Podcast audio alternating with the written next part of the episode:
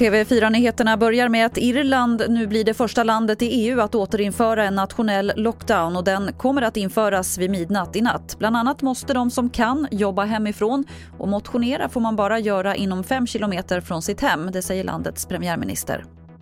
Everyone in the country has been asked to stay at home with exercise permitted within a 5 kilometer radius of your home. Only essential workers whose physical presence in the workplace are permitted to travel to work. Those who can work from home must do so.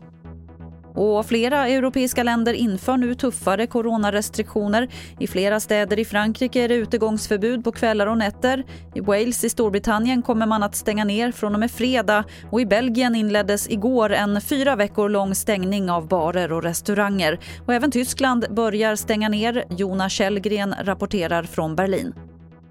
Ja, just nu så är det en del av Tyskland i alla fall som stänger ner. Det är ett område nära gränsen till Österrike där man inför ett utegångsförbud. Folk får inte röra sig ute efter klockan 14 idag och man stänger skolor och restauranger och så vidare. Och det är den första lokala nedstängningen sedan i april och eh, vi kan nog förvänta oss mer sådana under de närmaste veckorna. Och det var det senaste från TV4 Nyheterna. Jag heter Lotta Wall.